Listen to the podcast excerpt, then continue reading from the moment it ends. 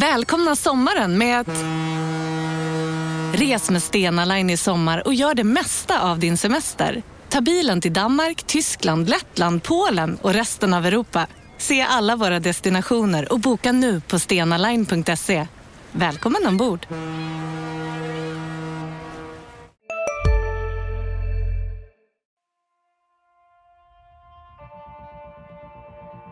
De kan skriva mina citat innan jag ens säger dem. Så eh, där har vi en dialog. Vi, vi, vi har ambitionen att det ska vara klart eh, ganska snart. kommer man att se en mycket spännande fortsatt utveckling. Hur vi ska utveckla GIF Sundsvall. Vi, vi, har en spännande utvecklingsresa. Mycket spännande utvecklingsresa. Han var klok nog att välja Sundsvall som nästa utvecklingsmöjlighet. Det är en spännande lösning. Spännande forward. Väldigt spännande central mittfält. Du lyssnar på GIF-podden. I den 85 matchminuten, Peter Wilson. Du lyssnar på GIF-podden med mig, Lukas Salin. Och med mig, Oskar Lund. Mm. Härligt. Nu är det en ny vecka. Eh, ja, det var ju typ två veckor sedan vi stod här sen sist. Tanken var väl att vi skulle ha spelat in tidigare. Men livet kom emellan, som man brukar säga. Och nu står vi här. Det är fredag eftermiddag. Derby imorgon. Så vi tänkte, det är bara du och jag idag. Men vi håller fokus på det som komma skall. Det är väl inte så bara. Nej, nej, nej, nej. nej. Det är ändå, det är ändå grundarna av GIF-podden det som är står här. väldigt mycket närvaro i rummet. Elektriskt. Sannerligen. Nej, det känns härligt. Det var, som du sa, det var länge sedan vi spelade in i och med att vi gjorde två avsnitt på en vecka med... Eh, nu får du påminna mig. Peter Wilson och... Eh, Robert Lundström. Robert Lundström. Eh, och då blev det ingenting förra veckan. Mm. För vi hade safeat upp liksom. Och sen så tog det ända till fredag innan vi fick ihop det nu. Eh, Men det känns bra. Det är ju det är derby imorgon och en stor match. Så det är väl rimligt att man kör en liksom riktig derby special och fokus på en match. Det är inte så ofta vi har det. Nej. Eh, nej, precis. Det är, jag, jag vet inte, det kanske är... Vi kanske kan säga att det är historiskt. Vi gör väl Där det. vi har bara fokus på en match. Eh, så det blir ett kortlivat avsnitt. På söndag, då är det här en in- inaktuell podd. Ja. Så vi ser, ut att, ser till att få ut den fort. Precis. Men, ja Oskar, vad, vad tänker du på? Jag tänker på derbyt som kommer imorgon. Ehm, Det är ju en, eh, en stor match såklart. Det har ju blivit så de här sista åren att liksom mötena med Östersund är, är speciella och inte minst med tanke på den framgång som ÖFK har haft. Ehm, nu blir ju det här liksom, det känns som det är ytterligare någon dimension i det här derbyt med tanke på att GIF Sundsvall är det laget som har börjat bäst under våren och att Östersund har haft eh, ja, problem, problem både på och utanför planen. Ehm, och eh, liksom rent sportsligt eh, imorgon så, jag håller ju Giffarna som favorit sett till hur det har sett ut hittills.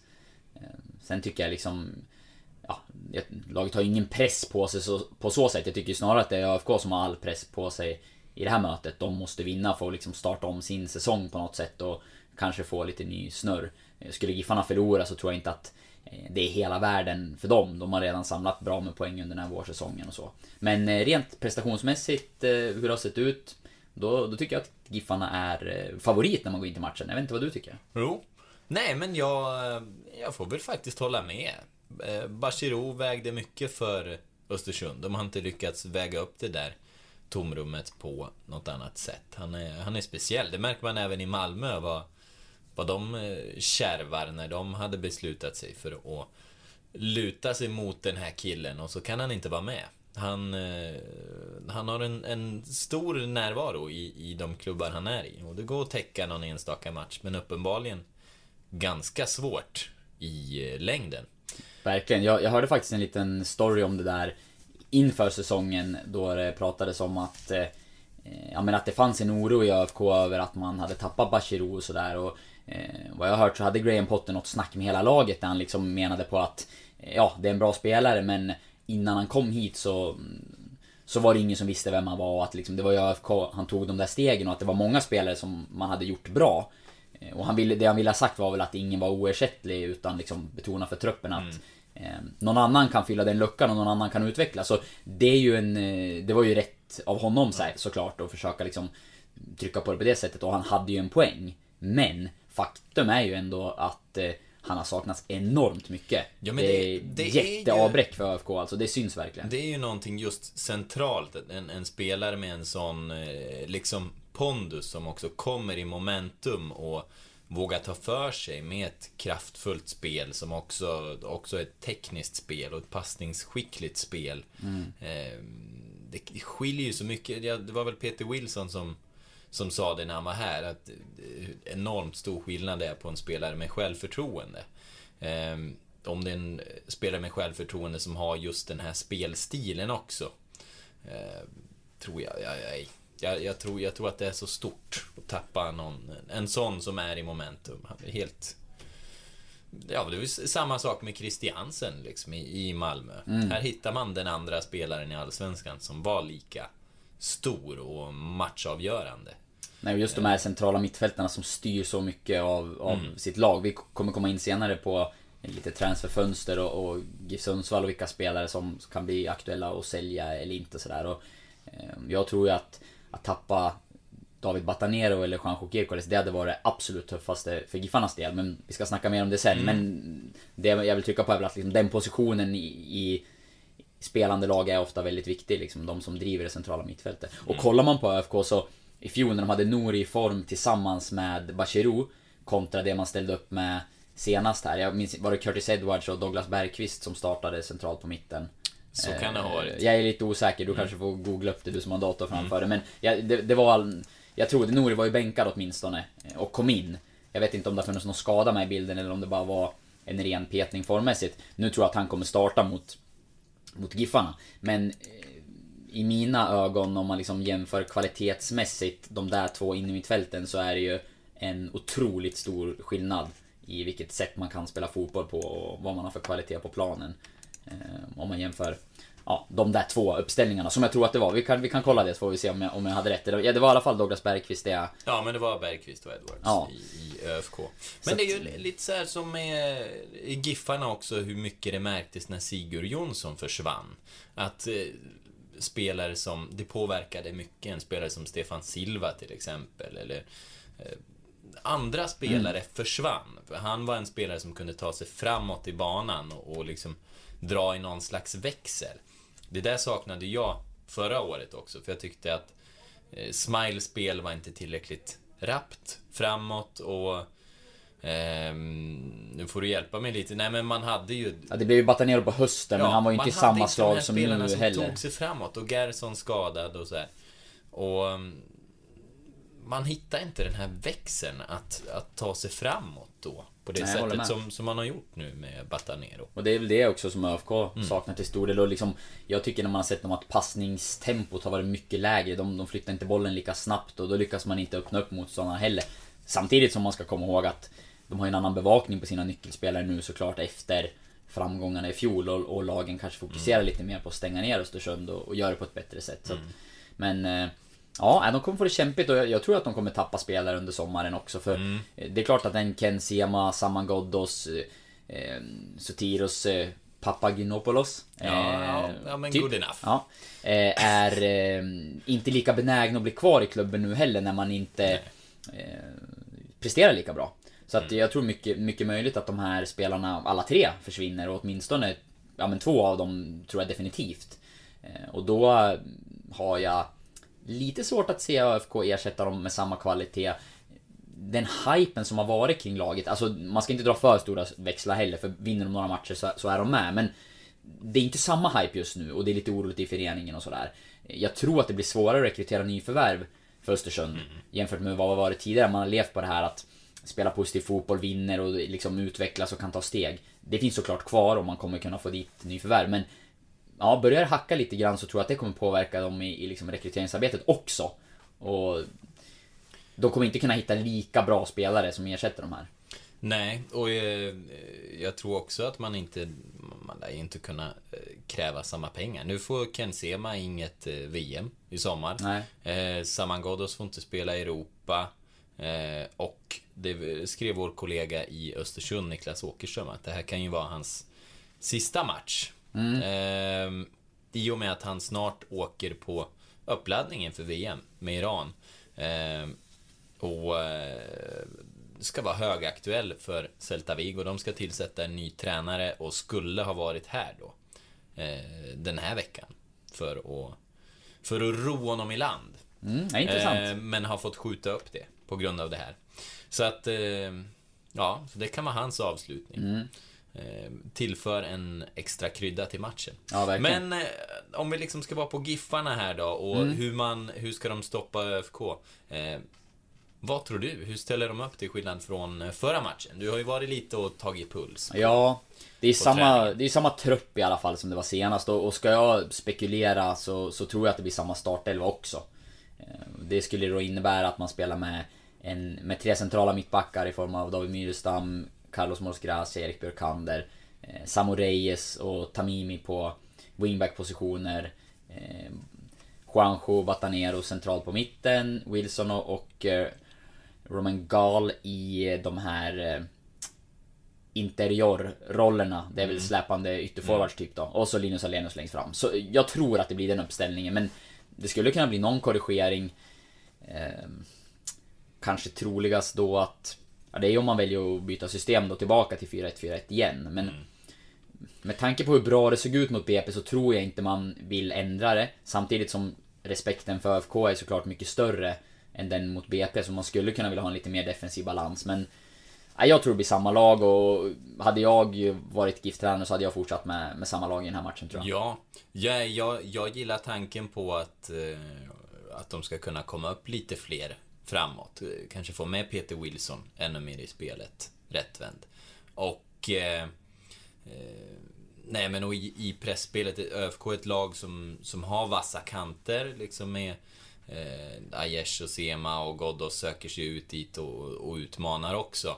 Och kan blåsa förbi på en kant och då tanken på att det ska finnas en extra spelare, en extra försvarsspelare med i pressspelet tror jag eh, det är nyttigt. Gör, man sin gubbe så finns det en till där som kan kliva in Mm. och, och, och glidtacklingsbryta. Som Ja, jag själv det- hade gjort. Jo men det, exakt, och det kan Ja. säkert bli så att Wilson och Gall får ta lite mer defensivt ansvar i, imorgon än vad de gjorde mot BP såklart och, och komma ner lite grann och, och hjälpa till mer. Eh, det tror jag. Eh, men sen det kommer säkert bli ett, liksom ett kamp om bollinnehavet. Båda lagen vill vara spelförande och äga mycket boll och det kommer de ju att gå för. Det är inget lag som kommer lägga sig på defensiven och, och liksom vänta på motståndarna utan eh, de kommer vilja äga bollen. Eh, samtidigt så Eh, Joel Sergen nämnde det lite grann i den livesändning vi gjorde tidigare idag att ÖFK har åkt på en del omställningsmål. Och det kan jag tänka mig någonting som Giffarna kommer försöka utnyttja att eh, när Östersund väl har etablerat ju, anfall. Ja, för där, där finns det ju en eh, kvalitet i GIF Sundsvall med de eh, Som vi såg inte minst den här eh, otäckt rappa vänsterfoten från Batanero Mm. till Gall tvärs över planen. Eh, match, alltså mitt, mitt minne börjar ju bli gubbigt. Eh, passningen som det pratades Ja. så fruktansvärt mycket om. Eh, nej, Den var herregud. otrolig. Hjärnstillestånd, vilken match det var. Ja. Men, men eh, hur som helst. Där finns det, det finns speeden i eh, Rom, Roman Gall. Roman Gall. Det finns speeden i Peter Wilson, det finns kraft i Linus Hallenius. Var- det var det mot De- Trelleborg, eller? Det finns en potential att ställa om. Ja. Eh, ja, eh, så kan det vara. Matcherna kommer så tätt, men ni alla vet vilken passning det var. Från eh, högersidan, vänder sig om, dunkar den mot vänsterkanten. Gall smäller dit den på första stolpen. Ja, det var inte mot Trelleborg, för då var det Sema. Vi minns målet. Ja, eh, Elfsborg. Skulle jag vilja säga. Nej, för då gjorde... Jo, jo, jo. Elfsborg. Segermålet mot Elfsborg. Snyggt. Fan alltså. Det här får jag jobba på. Ja, det är samma för mig. Ja, det här är tråkigt. Mycket info in och mycket info ut. Ja, så är det. Men, eh, Gal. Ja, Ska vi uppehålla oss vid Absolut. honom för nu är han en av de hetaste i Allsvenskan. Det känns är som det kommer nya rykten varje dag. Ja. Vad, vad har vi? Nej men det vi har är väl att, eh, ja men som du säger, han är en av de hetaste spelarna i Allsvenskan. Han är, han är ung, han är en spektakulär och spetsig spelare som har styrkorna i det här liksom eh, en mot en, mot en eh, avslut, passningar, sista tredjedelen. Eh, Sånt som sticker ut och sånt som drar till sig intresse från stora klubbar. De ser en, ja men en liten oslipad diamant som går att utveckla. För han har ju fortfarande mycket kvar att förbättra för att bli en total fotbollsspelare. Men eh, han har ju en spets som är jätteintressant. Det vi vet är att eh, engelska klubbar har varit i kontakt med GIF Sundsvall för att liksom höra sig för och visa att det är ett lätt intresse. Men Vi har inga namn Inget där. om nivån, nej. Eh, ja, Championship och Premier League. Okej. Eh, att det är klubbar från de nivåerna som har, vis, ja, som har hört av sig i alla fall och liksom Eller rådgivare till sådana klubbar som har hört sig för och kollat eh, Lite vad som gäller hans situation och sådär. Sen vet vi att eh, ett antal stora klubbar har varit på plats på MP3 Arena och scoutat och kommer vara det. Men vem de specifikt tittar på eh, är ju mer osäkert. Herrenfen har varit här. Eh, FC Köpenhamn ska ha scoutat eh, Gal och de kommer också vara på plats på imorgon enligt mina uppgifter. Men då har vi även Sotti i ÖFK som de har suttit ner och, och till och med haft samtal med och står i Du Solbacken. förkortade nu till, Ja, till Sotte. du gav mig bara good enough på uttalet. Papagiannopoulos. Snyggt. Eh, så att det kan väl vara båda då som de kikar på. Eh, sen har jag uppgifter på att eh, Freiburg kommer, Mm. Bundesliga-klubb, kommer att vara här imorgon också. Eh, så det är ytterligare en klubb som... Fräsch. Den, eh, den eh, sympatiska Bundesliga-klubben. Det är, jag vet inte vem det är, men det är någon av dem i Offsides podcast som har valt ett, ett lag efter... Eh, ja, helt enkelt efter goda värden, alltså så som du borde välja en förening. Okej. Ofta väljer man ett supporter, ett supporterskap. Eller ofta ärver du ett supporterskap. Men han har valt den efter eh, klubbens goda värderingar och hipsterfaktor och trevlig stad och liksom... Ja men det är fint. Ja, något sånt där. Så och det- samma där, jag vet inte om det är Roman Gal som de ska ska det kolla på, men, men de ska vara här i alla fall då. Ja. Eh, och sen har ju Kvällstidningen rapporterat om Hammarby AIK, eh, att han finns med på, på deras önskelistor och, och mm, Ja, det gör han ju såklart. Han finns nog på de flesta allsvenska klubbar, klubbars önskelista om det skulle vara så att de har en ekonomi att kunna värva en offensiv spets eh, efter vårsäsongen. Ja, du sätter ju inte bara ett namn på den önskelistan. Utan... Nej, förmodligen inte. Men han borde väl en ganska rimlig ersättare till typ en Jiloan Hamad om Hammarby Mm. säljer honom. Eh, Däremot så har jag pratat lite med Giffarnas sportchef Urban Hagblom idag om det här och eh, det han säger är väl att han och han vill ju såklart eh, trissa ett pris, eller ett eventuellt pris och sådär men det blir tufft för allsvenska klubbar. Det är inte ofta de betalar de pengarna som det kommer handla om här, säger han. Eh, samtidigt så säger han också att eh, man ska aldrig säga aldrig och Fouad Bachirou gick ju från Östersund till Malmö till exempel. Så att det är klart att de skulle kunna sälja honom till en allsvensk toppklubb som, som liksom hostar upp. Men... Eh, Ja, Bachirou behövde man ju inte ens hosta upp för. Det var ju ganska billigt. ja, precis. Eh, där var det någon klausul va? Ja, precis. Det var Kindberg inte nöjd med att klausulen hade läckt ut Nej. i media. Men då kan jag tipsa om att då skriver man inte in sådana klausuler som, som är så eh, Ja, det är ju ett alternativ. Ja, Eh, nej men så Roman Gall är ju, han är helt på marknaden. Mm. Han är, och det vet jag att jag skrev efter matchen senast, den spelaren i GIF Sundsvall med störst försäljningspotential. Mm. Behöver inte nödvändigtvis ty- betyda att jag tycker att han är bäst, han har varit väldigt bra, men jag håller ju Batanero och Juanjo väldigt högt. Och deras betydelse för laget. Men han har ju, som var inne på, åldern, en ung spelare, spetsen. Han har ändå en del internationell erfarenhet, har liksom gjort resultat med ja, U20-landslag i USA, vunnit guldskon på... Eh, det var väl kval till U20-VM va? Eh, Concaf. Så att... Eh, ja, jag tror att... Eh, det är så svårt att spekulera men, men eh, jag har dem högst i alla fall på liksom försäljningslistan inför sommaren, vad som är troligt. hur skulle det kännas då, rent sportsligt? Eh, en klubb kommer och plockar Roman Gall. Vi säger det, FC Köpenhamn tar honom. Mm. Eh, hur klarar Giffarna det? Jag tror att de skulle kunna klara det relativt bra ändå. Utan att liksom förringa hans insats som har varit exceptionellt bra. Och det är häftigt att följa en sån här spelare som kommer från division 1. Acklimatiserade sig under förra året och gjorde en del bra matcher men slog ju absolut inte igenom liksom på den stora scenen. Och sen så gör han en sån här fantastisk vår. Och man har sett att den där det pratade ju du och jag om i fjol också, att den där potentialen finns där och han kan göra saker som inte så många klarar av. Men beslutsfattandet var inte alltid på topp och han, han spelar på, med en hög svårighetsgrad som gjorde att han gjorde ganska många misstag också. Eh, nu ser det ju väldigt bra ut. Eh, men rent för laget så tror jag ju att den positionen är lättare för Giffarna att ersätta än om någon av de centrala mittfältarna skulle försvinna. Jo, för det är lite intressant ändå bara att, tänka tanken här att Giffarna har ju faktiskt tappat två spelare på ungefär den nivån med Sema och Omeje. Eh, Eller den nivån, den positionen. Eh, som skulle kunna spela där. Och båda de visade ju tidigt att de, de kan göra poäng. De är poängspelare här.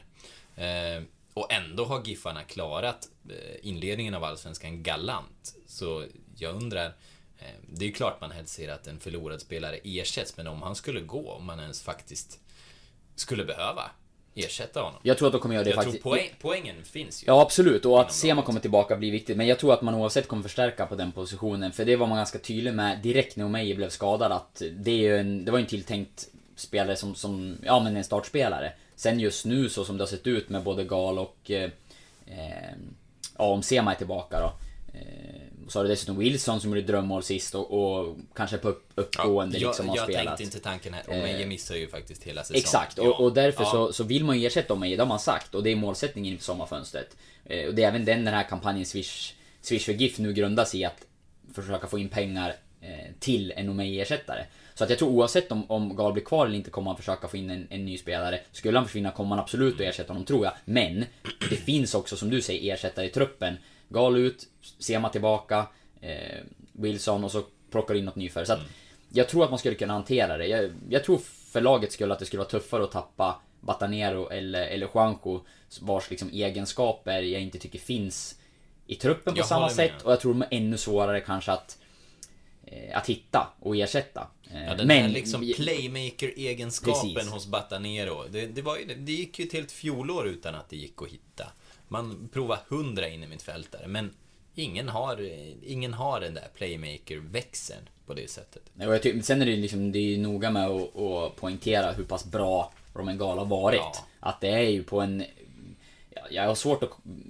Jag tror inte att någon GIF-spelare har startat säsongen med så många mål på så få matcher i Allsvenskan. Eh, inte mig veterligen i alla fall. Och då pratar vi ändå, det är inte en renodlad anfallare. Eh, Och det är dessutom en spelare som det tog några omgångar för att komma in i det. Jag tyckte man såg en skillnad på honom från försäsongen då han var dominant. I de första omgångarna i Allsvenskan. hade lite svårt att få till det. Men sen, Ja, jag Fick göra första målet och började jag, växla Jag upp. tror att det skrevs det liksom ett par matcher in på serien att det är inte riktigt samma gal. Men Nej. sen, sen klickar det. Ja, verkligen. Så att det är hatten av för Roman Gal. En Fantastisk eh, vårsäsong. Eh, Det är ju rätt och riktigt att större klubbar tittar på honom och jag, Det är ju en spelare med sån potential som gör att han skulle kunna slå på en högre nivå också tror jag. Med rätt, om han hamnar rätt. Eh, Och Kommer ett bra bud så tror jag att det är ganska stor eh, risk eller chans, beroende på hur man ser, att, att Giffarna säljer honom i, i sommarfönstret. Kvällstidningsuppgifter har sagt att 10-15 miljoner vill Giffarna ha. Eh, jag vet inte om du har, har hört något annat? Eh, Det jag har hört är att Mm. klubbar har försökt få tag, eller bett om en eh, siffra. Alltså, Mm. de har hört sig för och frågat var prisnivån ligger och Giffarna... eh, Urban Hagblom sa inte mindre än Saman Ghoddos i alla Nej, fall. precis. Nej, men... 60 miljoner ska vi ha. Nej, men jag tror att eh, det han sa var att de, kommer, de ger inga sådana siffror. Utan en intresserad klubb, kom ett bud. Och så tar vi det därifrån. Och han var ganska tydlig med att priset kan variera mycket beroende på vilken marknad det handlar om. Kommer ett bud från Premier League så är det ju helt andra pengar och då blir väl GIF Sundsvalls krav lite högre också. Gentemot om det skulle handla om, säg FC Köpenhamn. Ja. Så att... Eh, men däremot så har de ju såklart en intern prisbild ungefär. Vart de tycker att, eh, att de minst ska ligga liksom. Ehm, Gal har ju faktiskt ett år till på kontraktet. Så en försäljning, han är ju på så sätt värd eh, ganska mycket pengar just nu om vi jämför med typ eh, Runar Sigurd Jonsson som såldes med ett halvår kvar. Eh, Och då fick man ändå eh, ett flertal miljoner för en sån spelare. Så att, ja. Det låter väl inte helt orimligt om det är kring, kring de nivåerna. Men, men det är mycket Men pengar. Det skulle du- vara en väldigt, väldigt stor försäljning för Giffarnas del om man nådde upp i den prisbilden. Tror du att Urban Hagblom har ett så här schablonpapper att han liksom, ja, ursäkta, ja, vad, vad sa du att du ringde ifrån? Eibar, ja, nej, då ska vi se. 47 2 miljoner. miljoner, 2 miljoner euro. Nej, nej, nej, inte Eibar, Burnley, sorry. Ja, då, nej, då blir det 60. Då blir det Nej. 60. Nej, så är det såklart inte. Men däremot så, så har han väl en koll ungefär på liksom vilka, vilka ligor eh, är mer penningstinna och liksom det kan komma stora pengar Mm. ifrån och vilka är det inte liksom. Så att, ja, det gör man väl rätt i att inte begränsa sig att gå ut med någon summa liksom. Det här är vad vi ska, ska Men- ha, utan... Om jag provar dig då här. 10 miljoner. Accepterar du budet, Urban? Eh, ja, i det läget som GIF Sundsvall 9 finns i. miljoner. Där är- Accepterar du budet, Urban? Ah, jag vet inte, det där, jag tycker det där blir svårt alltså. Det är ju så mycket annat att väga in i ett, i ett avtal. För det man ska komma ihåg också är att det handlar inte bara om en övergångssumma. 9,5. Nej men utan det är alltid en procent, det är en vidareförsäljning. Det alltså det är så många saker som vägs in i det där. Och hur lång, långt gånget är man med en ersättare? Och vad får man den ersättaren för? Har man börjat förhandla om det? Det är, ja, man gör det för enkelt för sig om man bara skulle säga ja eller nej till, till en summa. Och så tror jag inte att det går till heller. Eh, utan det är ett större pussel än så. Jag trodde jag vi skulle få leka rollspel, Oskar. ja, visst, det kan vi. Ja, ja, men du var inte med. Jag tycker inte... Jag sa ja till 10 miljoner. Ja, men nio? Ja, ja. Då börjar du med diplomatsvar. Det tycker jag nog. Ja, ja, men... Eller vad känner du? Åtta då? Kör. Nej, men alltså Giffarna, det läge de befinner sig i med ekonomin. Eh, nu är man ju inte så här, Man har inte kniven mot strupen när det gäller att sälja spelare i sommar eftersom att det är företag som har gått in, eller näringsidkare som det så mm. vackert heter. Som har gått in med garantier och sådär så att elitlicensen är ju räddad. Men det är väl ändå så att det finns en press på att göra spelarförsäljningar för att få en ekonomi i balans. För det är ju de här pengarna som eventuellt kommer komma in när man ska täcka upp för det här underskottet. Det är ju eh, Det är ju pengar som ska betalas tillbaka på sikt i alla fall. Så att eh, ja, hur många miljoner man kommer säga ja eller nej till, det är jättesvårt och som vi var inne på, det beror på så många delar. Men jag tror att eh, de pengarna du och jag snackar om nu, eh, då kommer de ju säga ja. Det, det tror jag. Det är ju så pass... Ja, det läge de befinner sig i gör väl att, man, att det finns ett behov av det. Och det, man, för, på Roman Gall skulle det ju bara vara en ren plusaffär. Det var ju en spelare man hittade i division 1 liksom och, och tog in. Och kan man sälja honom vidare för, ja nu var det 8 miljoner som var ditt sista bud här. Så är ju det, ja vilken affär ja, liksom. Men det 7,9 då tycker du att det börjar, då känns det lite torftigt. Ja. Är det från eh, FC Köpenhamn så, så kanske han får acceptera, men, men är det Burnley som du var inne på då, då har ju Urban satt gränsen på, så har vi 29. Ja, då kan man, då då kan man faktiskt sprätta upp det ordentligt ja. med, med TV-pengarna där. Så att det, ja Burnley, det hör ni. Ni får pynta om ni kommer hit. Casha upp. Ja fantastiskt om man skulle gå till Burnley nu. Ja, det hade varit fint efter det här snacket. Mm. Ehm, ja, och är det Celta Vigo då kommer man säga det inte mindre än Ghoddos. Nej, precis. Pratar man ÖFK-spelarna så även om de inte har gjort superreklam för sig under den här våren så ska man komma ihåg Europa-äventyret som, som de har haft. Eh, har ju såklart gjort att priset på de spelarna måste ju ha skjutit i höjden. Liksom. Prisbilden är, den ligger nog ändå ganska högt för de har hävdat sig mot internationellt motstånd. Ehm, och eh, ja, Ken Sema, nu kommer han inte med i VM-truppen. Men Ghoddos är med i en VM-trupp. Och eh, Sema var ju på gränsen och har spelat i alla fall för svenska landslaget och varit med i tävlingssammanhang här på slutet. Så att, ehm, de befinner sig på en hög nivå. Jag tror dock att Roman Gall kan ha chansen att komma med i USAs landslag snart. Mm. Ehm, det pratas en del om det, jag har läst lite på amerikanska sidor och sådär och han är ett namn som nämns nu inför juni. När de ska spela träningslandskamper i Europa. Mm. Han hade själv inte hört någonting idag när jag frågade honom. Men mm. eh, eh nu måste han vara och nosa i alla fall på att få chansen i ja, deras nybygge. Han måste vara med på listan, mm. det kan man tycka. Det vore nog bra för Giffarna mm. och eh, om vi pratar försäljning och ja. marknadsvärde. Att en landslagsplats är alltid eh, värdefullt och något att trycka på. Ja. Kanske kan ha det som marknadsföringsidé. Man eh, strör ihop ett eh, lag med blåbärsnations landslagsspelare. Alltså helt ärligt, jag, jag tror att det spelar in. Eh, ja. Att du har lättare att komma till eh, en del klubbar för att du har landslagsmeriter och det blir lite lättare att man tittar på en spelare och sådär. Eh, det är väl något att snackas om genom åren att det finns länder där en del spelare har fått chanser i landslaget också och, och tagit sig vidare. Kanske till viss del på grund av det. Mm. Så att man ska nog inte underskatta mm, landslagsmeriter Sen hoppas och tror man ju att de flesta klubbarna gör noggrannare scouting än så. Men visst är det väl en del. Det ser ju inte... Det är inget negativt på ett CV att du har, att du har spelat för ett landslag. Mm. Och det ger ju också chansen att visa upp det mot ja, men, kvalitativa spelare internationellt. Och gör du en bra landskamp inför rätt ögon så kan det ju vara vägen in till ett eh, bra kontrakt någonstans mm. i en fin klubb. Vi hade ju eh, exempel då, Mike Ayodele som var i Kuben ja. Eh, för några år sedan som ju hade varit i uppladdningslägret inför, jag tror att det var U17 VM med Nigeria. Eh, men blev inte uttagen. Eh, åkte tillsammans med en kompis på en massa provspel i Europa. Det här är vad han har berättat för mig. På lite provspel i Europa. Kompisen fick ett kontrakt. Mike skulle erbjudas kontrakt, men fick inte det på grund av att han eh, han hade inte landskamper på meritlistan så han fick inte arbetstillstånd. Och hamnade Ah. i Sverige istället. Eh, kompisen var John Obi Mikel. Han blev ganska bra. Det får man säga. Ja, Mike då som en gång i tiden hade varit hyggligt jämn med honom, ändå i samma landslagstrupp, eh, gick det inte lika bra för. Det blev, eh, det blev ju kuben. Det är inte- Där förstörde han knät. Det är inte helt fel det heller. Nej, men... Finns han kvar i regionen så kanske vi borde söka upp honom. Du, jag vet faktiskt inte. Jag eh, hittar honom inte. Du får... Se om han är en eh, läxan är borttagen, men du kan få en läxa av mig att eh, försöka få tag i honom. Det hade Mm. det var ett intressant snack. Ja, det tycker jag definitivt. Men, eh, nej, så... eh, Men det handlade om arbetstillstånd. Eh, det, det, det var ju någonting annat. Men ska, ska man in i England och i Premier League så brukar de vara kinkiga med det där. Det måste finnas landskamper. Eh, för att man ska kunna påtala spets, att det finns spetskompetens. Mm, Roman Gall har i alla fall på en eh, på ungdomsnivå representerat det amerikanska Mm. Han, han landslaget. släpps nog in i England. Jag skulle tro det.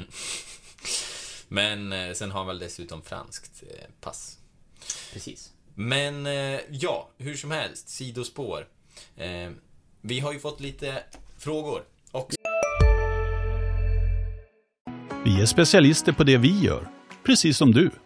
Därför försäkrar vi på Swedea bara småföretag, som ditt.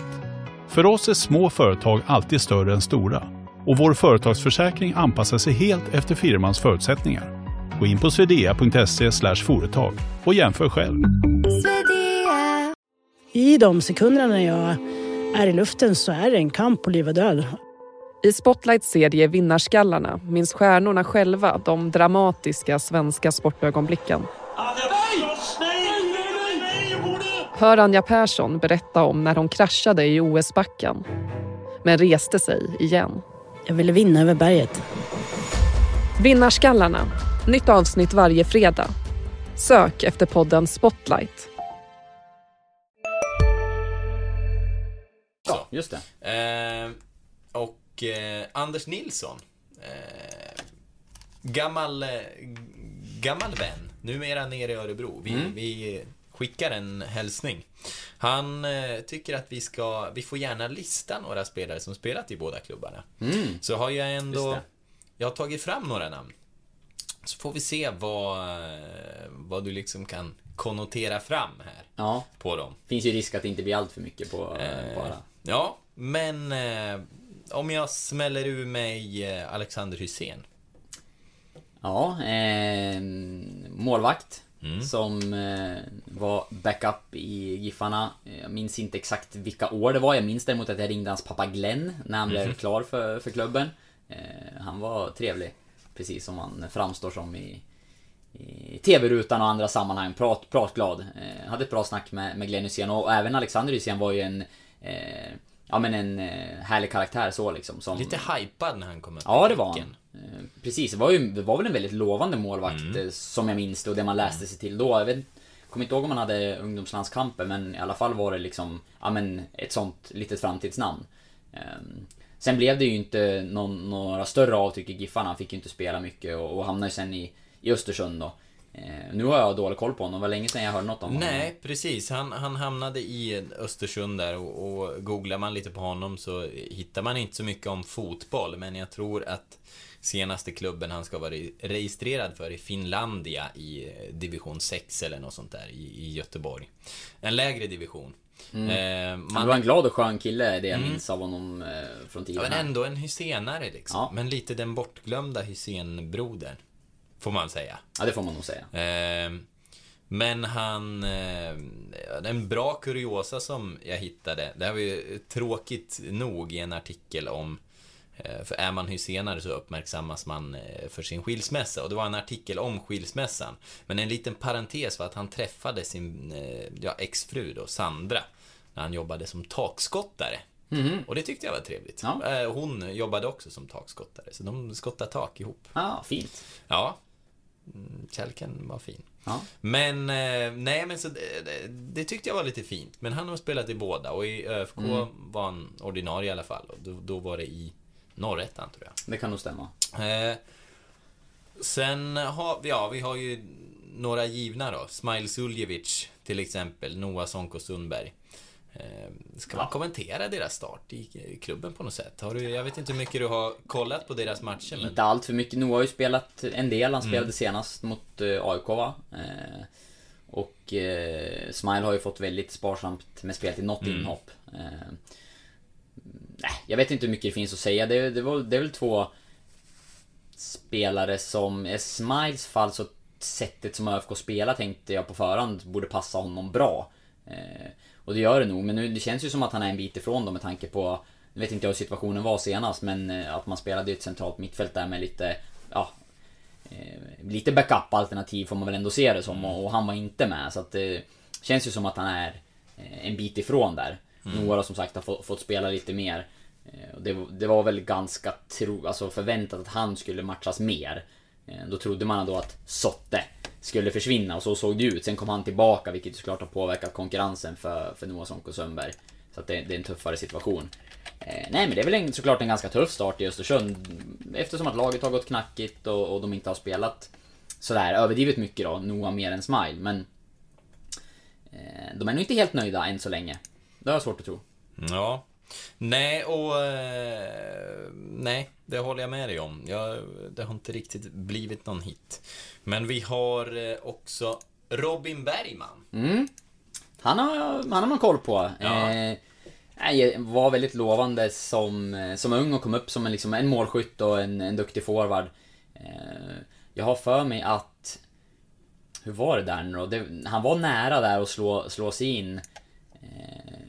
Men fick inte riktigt chansen i A-laget då, utan var med i träningsmiljö och liksom, vi, ja, mm. gjorde mycket mål i Medskogsbron i division 3 och eh, Ja, många trodde att han skulle ta det där steget då, men släpptes aldrig riktigt Kane, fram i A-laget. Dotson hade det här citatet Banka på dörren, det var det! Just det, han, han knackar inte. På dörren. Det var han det citatet bankar. jag sökte. Bra att du ja. tog det.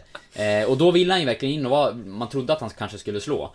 Eh, men istället så hamnade han vid Östersund på lån, tror jag. Mm. Eh, och det var där han representerade dem. Nu är han ju målskytt i IFK Timrå och har även öst in mål i Härnösand i mm. division 2 de senaste åren. Han var tillbaka i moderklubben Kuben ett tag. Eh, och bombade in kassar. Så att en fin målskytt på lokal nivå då. Eller ja, division 2 är inte lokal nivå. Det är bättre än så får man säga. Men... Ja, snäppet över. Ja, men... Eh, Berre som han kallas. Precis, Berre. Nej, och eh, Östersund, han, han lånades ut där. Vet, han hade lite problem med eh, bland annat en eh, tåinfektion. Vill jag minnas. Som, som, mm. eh, han hade ett nageltrång som blev infekterat och spred sig upp till knät. Så det var ingen lätt, det var ingen lätt tid i, eh, i ÖFK. Eh, jag kommer faktiskt inte riktigt ihåg hur det, hur det gick för honom. Jag, jag tror att han hade han, Den där skadan tror jag ställde till det mycket för honom under mm. de här eh, jag kommer inte heller riktigt ihåg. Gjorde min... några, några mål. Minns inte som att det var någon sån här jättesuccé utlåningen så. Eh, jag vet inte, jag metar också att det var lite stökigt med de spelare. Det var ju ett samarbete man hade där ett tag att jag tror det var en del unga spelare från Giffarna som liksom pendlade lite grann och skulle upp och träna någon träning och spela match med ÖFK och så tillbaka till Giffarna. Jag tror inte att det var någon klockren lösning som det såg ut just då. Nej, jag tror liksom att allting fick börja om för honom. Han hamnade i IFK Sundsvall efter det där. Och, och började om lite grann. Med allting. Mm. Jag tror det tog lite musten när han eh, gjorde de här pendlingarna till Östersund. Jo, det slår mig här medan vi pratar. Jag gjorde en intervju med honom. Eh, en artikel som jag gjorde när vi fortfarande hade Dagbladet Sporten. Där jag kollade vad som hade hänt med gamla pojklandslagsspelare. Just det, det minns Som jag. hade representerat GIF Sundsvall. Då använde jag eh, Berre. Eh, och jag minns som, som ett case då. För det var många pojklandslagsspelare som inte hade släppts fram riktigt. Eller liksom fått spela A-lagsmatcher. Eh, men han Nej, han hade, han hade väl känt att han inte fick chansen och, och blev ganska knäckt under den här tiden. Mm. Det var så han såg på det då i alla fall. Eh, och det här var ju, alltså, det här måste vara fem år sedan som jag gjorde eh, artikeln. Men han, då såg han inte tillbaka på det som, som en munter tid mm. alls. Eh, Nej, tråkigt. Men det är en, det är en supermålskytt. Absolut. Så vi... Eh, nej, Numera i Timrå alltså. Vi sänder deras match mot Östersund imorgon lördag. Ja men Så, det, det eh, är ju en superdag! ja. Bergmandagen. Jajamän. Ja. Det är bara in och, in och kika. Eh, Oskar Nordlund kommer en text med här under fredagskvällen också. Som gjort ännu fler mål. Sex baljor hittills på sex Ja. matcher. Tillbaka från eh, tre år i division 4 och division 5. Ja. Eh, så det kan bli bra. In och kika på den. Ja. Eh, och en annan av samma årgång. Det är ju Ludvig Sundström. Mm.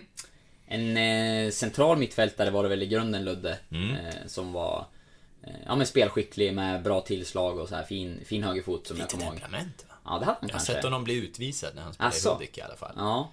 ja, precis. Han var i Hudik sen också. Eh, och tog, tog det steget. Eh, ja, men det var en, lo- en lovande innermittfältare som kom fram i Giffarnas verksamhet som inte tog sig hela vägen liksom till att bli en A-lagsspelare utan Var ju Östersund, Hudik. På Football Manager-spelen blev en landslagsspelare. Alltid. Ja, Men han, nej men han, han drog ju precis innan egentligen, jag tror 2011. Eh, då måste han ha varit 21. Eh, precis innan de här spelarna som egentligen fick fart på allting kom. Eh, David Ackham och Hopcat och de här. Som har varit med under klättringen. Så han, han lämnade precis innan, innan det tog fart. Fel läge kanske? Ja, ja, ja så, så kan det väl ha varit. Nej, det är svårt att säga. Det hade ja, kanske men... blivit... Eh, nej, men har ju varit uppskattad i eh, Hudik och sådär. Nu ska jag inte svära på det, men tror att han har spelat med Frösön. Okej. Ehm, ja. Och eh, sen har vi ju också, jo, ytterligare samma årgång. Vår gamle kollega Erik Lövgren, känd som Pitt. Pitt, ja. Mm. Eh, Uppskattad i, bland GIF-supportrar skulle jag tro för sina eh, initierade och eh, väldigt väl skrivna texter om GIF Sundsvall idag. Fantastisk på att beskriva vad han har framför sig. Mm. Det är inte alltid så lätt och, och Det är inte alltid så himla lätt. Nej, han är ju sk- väldigt skicklig. brutalt bra. Mm. Eh, och precis som du säger, en tidigare kollega till oss också då. Eh, som ju, ja det har han ju själv berättat om, men han har ju historiken i Östersund att han har väl nickat ur dem en division Mm. med, ett, med ett självmål. Eh, som jag inte tror att han var så, så glad över då, men han är ju giffare ut i, i fingerspetsarna så att eh, idag kanske det snarast är en liten merit för honom. Ja, men Eh, jag vet inte hur han ser på det. Det kanske hjälper honom lite grann som GIF-granskare. Att Mm. det leder till ytterligare lite uppskattning bland supportrarna. Inte helt omöjligt. Men nej, men det var, han var ju mittback då, Erik som spelare. Och eh, var ju en del av A-lagstruppen. Fick inte mm, speltid.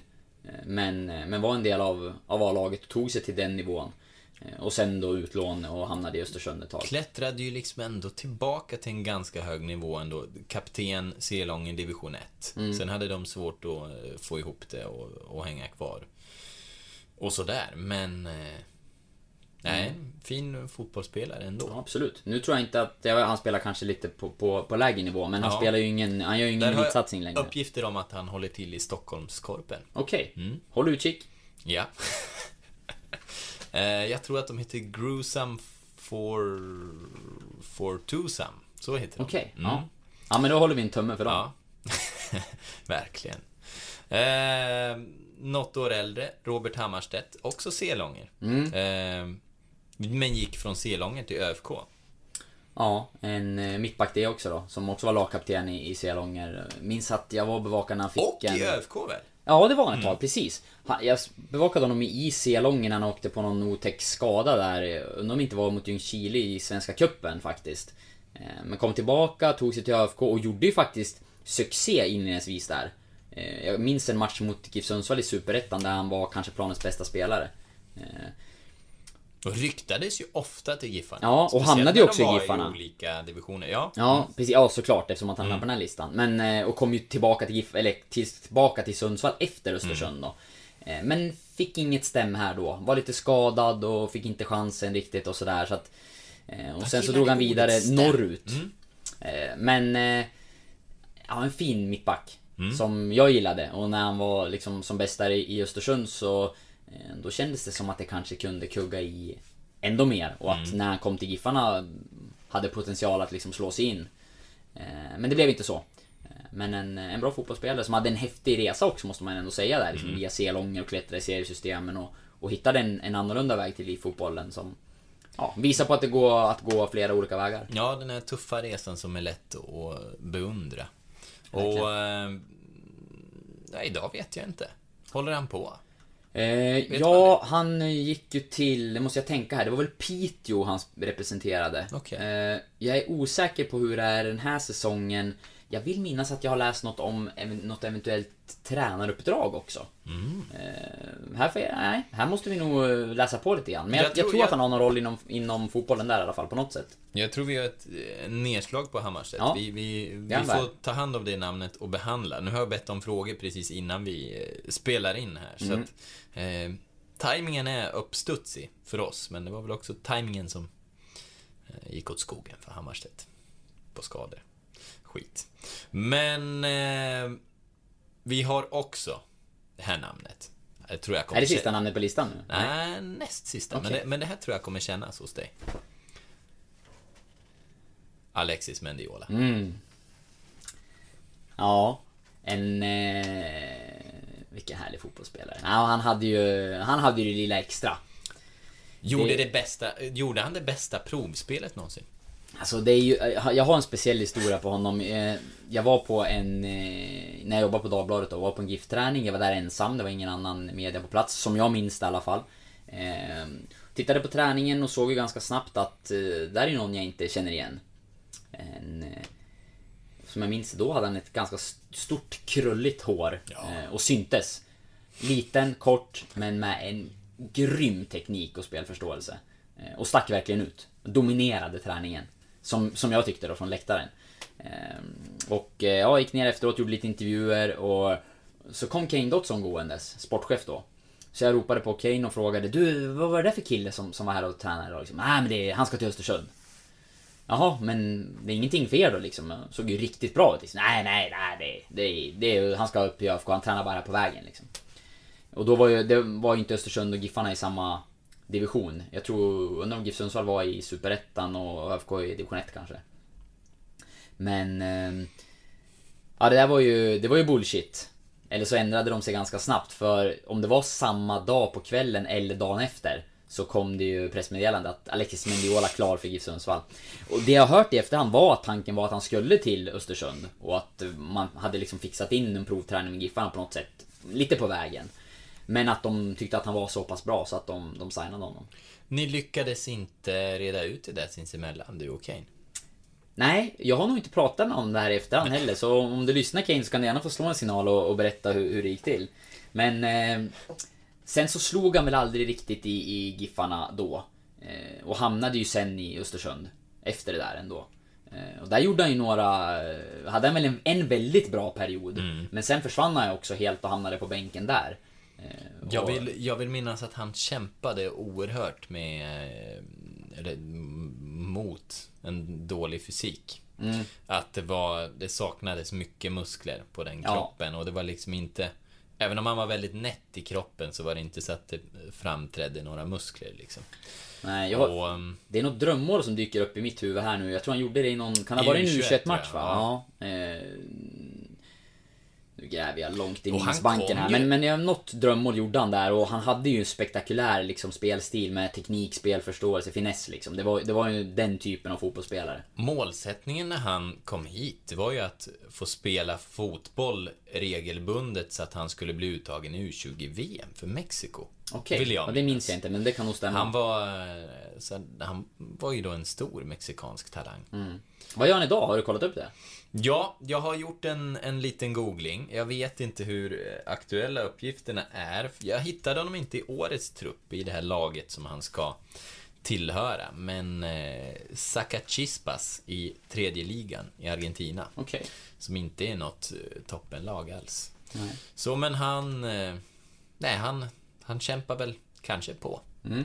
Ja, det hoppas jag. jag. nej, jag har inte hittat så mycket mer. Det verkar som att eh, han har falnat rätt ordentligt efter det där. Mm. Ja, det är en spelare jag kommer minnas i alla fall. Mm. Ja, märkligt nog. Fast, fast han aldrig spelat så riktigt så eh, minns man det. Jag tror också, undrar om han inte delade eh, tröjnummer med typ Alltså Granat, att när Mendiola, jag tror han bröt kontraktet mitt under säsongen. Eh, att Granat fick hoppa in, men med hans tröjnummer. Ska jag inte svära på att det var Mendiola. Okej. Eller om det var en eh, brasse. Ja, det kan vi kolla upp. Men 26 Nej, nej, det var Pires. Michel Pires. Fel av mig. Men, eh, vi har ett namn till på listan. Lars Oskarsson. Här spolar vi längre tillbaka. Ja. Jag vet inte hur långt tillbaka det är, men det är ju, det är ju en vänsterback vi pratar om. Eh, vänsterfotad. Eh, han var väl väldigt snabb, är mitt minne. Och jag, här är jag eh, inte med. Här har jag inga fräscha minnen. Eh, nej, men det, det är väl typ det jag kommer ihåg. Mm. Mitt minne av Lars Oskarsson är en snabb vänsterback. Som representerade både Giffarna och Östersund. Ja, åren är jag osäker på Från alltså. staden Östersund till Giffarna. Så kan det och vara. återvände till. Men vilka år det var, det är... eh, Vi har ju svårt att veta vilken match David Batanero Ja. gjorde en drömpassning i, så att fråga mig om år är Ja. tufft. Han, ska, han slutade i alla fall i ÖFK 2012. Mm. Eh, och det var också precis här innan eh, Lövgren lämnade dem 2011.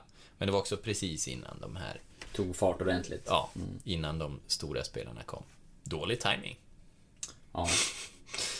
Eh, vet inte orsaken bakom i och för sig.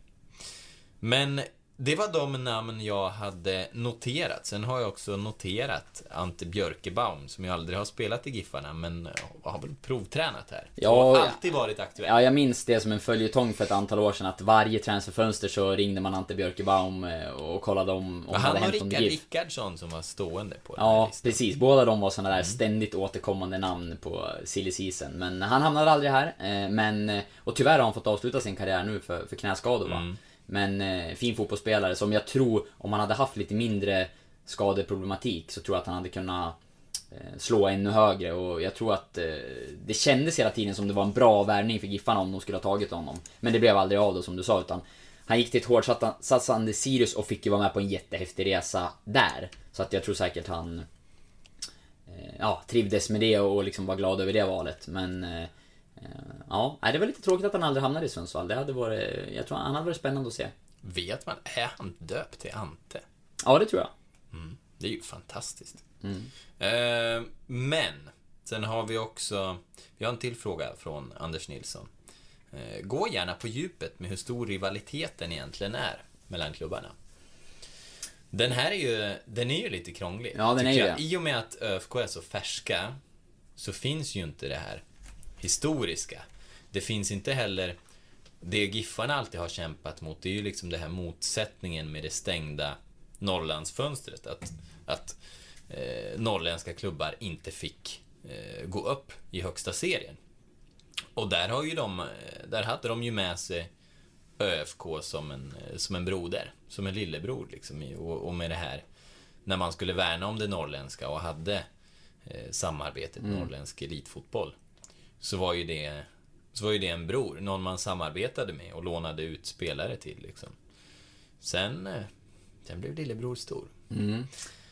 Det är, gå på djupet är ju svårt liksom Mm. och framförallt nu när vi har sagt att vi ska ha ett, ett kortare poddavsnitt som nu blir ett längre poddavsnitt det i vanlig ordning. iväg. Men, men... eh, Ja, det är väl som du säger att det finns ju ingen liksom historisk rivalitet vilket gör att Jag tycker inte att man kan säga att det är någon eh, Ja men att det är någon jättestor rivalitet på det sättet då, för det, det, den historiska aspekten är ju ändå en del i de här stora derbymötena och liksom rivalmötena som finns. Men det är ju på väg att byggas upp någonting. Ja, för visst känner man det ändå. Och lite såhär med ÖFKs framgångar och att de hela tiden... Jag har lite bilden av att man i Sundsvall då känner ÖFK lite som, ja men så här, Bror Duktig, den här som alltid, den sitter längst fram och räcker upp handen och, och eh, alla gullar med liksom. Medan, ja, oss nu pratar jag ju inte ur, ur egna ögon utan ur en GIF-supporters ögon. Så, Men, men oss är det ingen som ser liksom. Giffarna är det ingen som ser. Nej, Jag tror många, många GIF-supportrar är nog väldigt Ja. trött på Östersund och liksom Ja. det ut, mediala utrymmet och, och hypen kring laget. Det tror jag. Eh, Och jag tror att många eh, av dem är ganska glada och nöjda nu när det har gått lite tyngre för ÖFK. Eh, Samtidigt så tror jag också att, liksom, att det har gått så bra för Östersund. Det finns också väldigt många Sundsvallsbor som gläds enormt mycket med ÖFK och det de gjorde förra året. För det är ju bara liksom eh, Oavsett hur pass mycket giffare ni som lyssnar nu är Så tror jag att alla ändå innerst inne mm, Liksom någonstans är otroligt eh, Imponerade över vad Östersund gjorde förra året. För det, det är faktiskt någonting helt unikt i svensk fotboll. Det de gjorde. Eh, med de förutsättningar de har och liksom var de kommer ifrån. Att ta sig till Europa och prestera på det sättet. Det är helt osannolikt. Ja, jag tänker mig att det är den här syskonirritationen ändå. Att det är så här, mm, Ja, liksom, ja, kul att det går bra, men jag kommer ändå liksom brotta ner dig sen. Liksom. Du, du ska få smaka, liksom.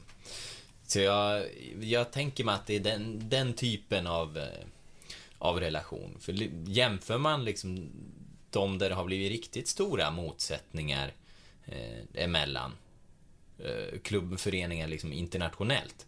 Säg liksom hela tiden, jag har hakat upp mig. Börjar bli torr i munnen. Men exempelvis eh, Glasgow Rangers mot Celtic, där har du ju två olika liksom eh, religiösa hållningar som ställs emot varandra. Att det är där det grundas historiskt, den här rivaliteten. Det finns ju inte här, utan här kommer man egentligen från samma sida och representerar det norrländska. Ehm, Så det är ju någonting det är någonting nytt, en annan typ av rivalitet. Men samtidigt så här, man försökte ta och kalla det för någon slags vänskapligt derby eller alltså mm, Nej. Men jag, jag, jag tror inte det heller riktigt. Ja, nej, men jag tror att potential att byggas upp till Ja. någonting. Ja, men jag tycker är- det blir mer och mer friktion. ÖFK är ganska för varje ny, nybildad förening. i Sundsvall har en lång historia. Eh, ÖFK med sitt Europa-äventyr som liksom, ja, samtidigt som det imponerar många så är det klart att de riktiga Giffarna, det sticker lite i ögonen och man, man önskar inte det. Nu har Giffarna gjort det bra, får mycket publicitet och uppmärksamhet samtidigt som ÖFK får kritik och, och har det lite turbulent liksom. Så att det finns väl många ingredienser som gör att det här kommer kunna fortsätta så länge de här två lagen är på samma nivå. Eh, fortsätta byggas på och till slut bli en eh, ännu mer av ett stort rivalmöte. Men jag tycker, för mig är det, råder ändå ingen tvekan om att det är de hetaste matcherna under den allsvenska säsongen. Och det visar väl publiksiffran. Det kommer vara full, fullsatt imorgon och det är ett tydligt tecken. Det är en match som folk vill se. Ja, verkligen. Och ehm, nej, jag tror du var inne på någonting. Eh, Många här har varit intresserade av ÖFKs resa ändå. Man sneglar alltid på dem lite. Och det är lätt att sätta sig eh, det gör jag ofta. Sätter Giffarna i jämförelse med ÖFK. Eh, på något sätt. För det, det finns många beröringspunkter där. Så att det, nej, det är den man alltid kommer jämföra sig med. Det, det kommer nog hålla i länge. Så länge de är på samma nivå. Men det är ju inte det här eh, liksom Giffarna och IFK Sundsvall som det hade kunnat vara om de hade varit uppe. Eh, Där man mer representerar två olika sidor. Men eh, Ska vi ta, vi har en lyssnarfråga till, sen, sen ska vi bryta av här. Mm. Och lyssnar och lyssnare, det är... Första det är- lyssnare?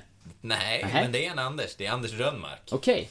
som frågar Kommer dubbelbokföringsderbyt att bli mer accepterat för GIF ÖFK än vad surströmmingsderbyt blev för Modo Timrå? Ja. ja han En liten passning till kanslisterna. Ja, det får man väl säga. Inte kanslisterna, men till... Eh, De ekonomiskt ansvariga i föreningarna, eller? ja. Eh, nej, det tror jag inte kommer bli eh, speciellt eh, accepterat eller allmänt vedertaget. Eh, det har jag svårt att tro. Men eh, ska man prata om ekonomin så kan man ju säga att för GIF Sundsvalls del så har den ju ändå ljusnat ordentligt med tanke på att man har fått sin handlingsplan godkänd. Eh, det är fortfarande en tuff situation och det är pengar som ska, som vi var inne på, tillbaka och eh, det, det här betyder ju liksom inte att föreningsekonomi är, är wow. Men det gör, ger ju liksom arbetsro och man har gjort ett stort jobb som lyckas lösa den situationen ändå. Eh, Huvudet är ovanför vattenytan. Ja, och för Östersunds del så är det väl inte liksom en ekonomisk kris just nu. Men det är ju en förenings, en situation i föreningen som är väldigt turbulent med Daniel Kindbergs roll och vad kommer att hända och, eh, samtidigt som det sportsligt inte görs resultat på samma sätt. Framförallt liksom det varumärke som de har byggt upp. Vad kommer hända med det? Vad innebär den här härvan kring Daniel Kindberg? Eh, och bokföringen. Vad, Hur mycket kommer det att solka ner det varumärke som de har byggt upp? Som, som står för, har stått för många goda värderingar. Ja, och där får man väl såklart invänta eh, liksom eventuell eh, Ja, utfall av det här liksom, vad, vad det blir. Och jag, jag tror ju faktiskt att det här med Kindberg-härvan, att den kan bidra till att spä på den här rivaliteten. Om man ska koppla det dit. Eh, för det sticker i ögonen. Här ser man en klubb som liksom som har satsat. Eh, gjort en massa saker som de har fått beröm för. Och det är en klubb som man ju jämför sig med här. Men man har gjort det för pengar som eh, eventuellt då är illegala. Eh, så det är ju klart det, det sticker. ÖFK hade inte varit här om det inte hade varit för Kindbergs kreativa eh, bokföring. Man, eller, eller hur man nu ska beskriva det. Så att, eh, nej, jag, jag tror att det kan bidra till den här rivaliteten. Och, Det gör det säkert. Det finns mycket åsikter om kring båda klubbarna, liksom både ekonomiskt och fotbollsmässigt och sådär. Och, eh, samtalsämnen och liksom eh, den typen av händelser gör väl att det, ja, men det blir mer diskussioner och man kan ha många åsikter och det kan trigga då olika läger såklart. Så att, eh, eh, ja, nej, men det, jag tycker att inför imorgon så är det en ganska eh, stor hetta. Och det är en jätteviktig match på flera sätt. Östersund behöver vinna för att komma igång. Eh, Giffarna har inlett jättestarkt. Skulle de vinna imorgon i ett derby mot ÖFK så är det verkligen ett statement om att de vill vara med och tävla på allvar i Allsvenskan i år. Och, eh, många individuellt jätteskickliga spelare. Liksom. Vi har landslagsspelare på planen. Vi har spelare som är på väg att kunna bli såld till stora klubbar. Och, eh, nej, men det är ju massa ingredienser Ja, i den här matchen ja. som gör det till en, eh, en stor match i Allsvenskan. ja, det kommer inte vara svårt att liksom sätta rubriker och göra vinklar. Nej, det tror jag inte. Men det känns ganska skönt att kunna se det som en ledig man. Jag ser det som podd... Eh, eh, ja, som, som poddare Ja. imorgon. Så jag, jag behöver inte sitta och tänka på nyhetsvinklarna. Utan jag låter er sköta det. Sen sitter jag och läser i mig godheterna där. Mm, jag ska försöka, försöka leverera, men... Eh, ja, det blir kul. Vi, Ja. eh, både, att, eh, både att jobba och för alla er som ska se den i underhållningssyfte. Det, det här blir någonting säga- extra. Får jag säga att det är den mest laddade GIF-matchen på... Ah, på jävligt länge. Alltså Blåvitt borta i höstas när allt avgjordes var Ja, såklart då, en, då. en, en, liksom en ång, Men Det var en alltså- ångestfylld match för Giffarna på ett annat sätt. Här är det mer... mitt i serien så har det ju aldrig varit så hett. Nej, Om man och- bortser från liksom från kval och liksom slutstrid och sådär, men tittar du mitt i serien, då har det ju aldrig varit så här. Nej, det var ett tag sedan i alla fall. En i lå- med, en bra start och det derby Så man- och alla, allt. Om man väger in allt. Och som man brukar säga på upptaktsträffarna, att Allsvenskan har aldrig varit hetare än nu. Podden har aldrig varit hetare än nu. Ja, ja förbannat fint eh, slutord. Vi eh, klipper med det, kort och koncist. Vi tänkte oss 20 minuter, det blev ungefär eh, 40 minuter till på det. Så att... Eh, Timmen så, spelad. Såna är vi.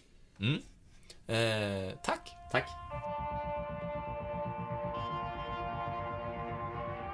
Man har lyssnat på den här podden några gånger, eh, så man vet väl vad som brukar försiggå här.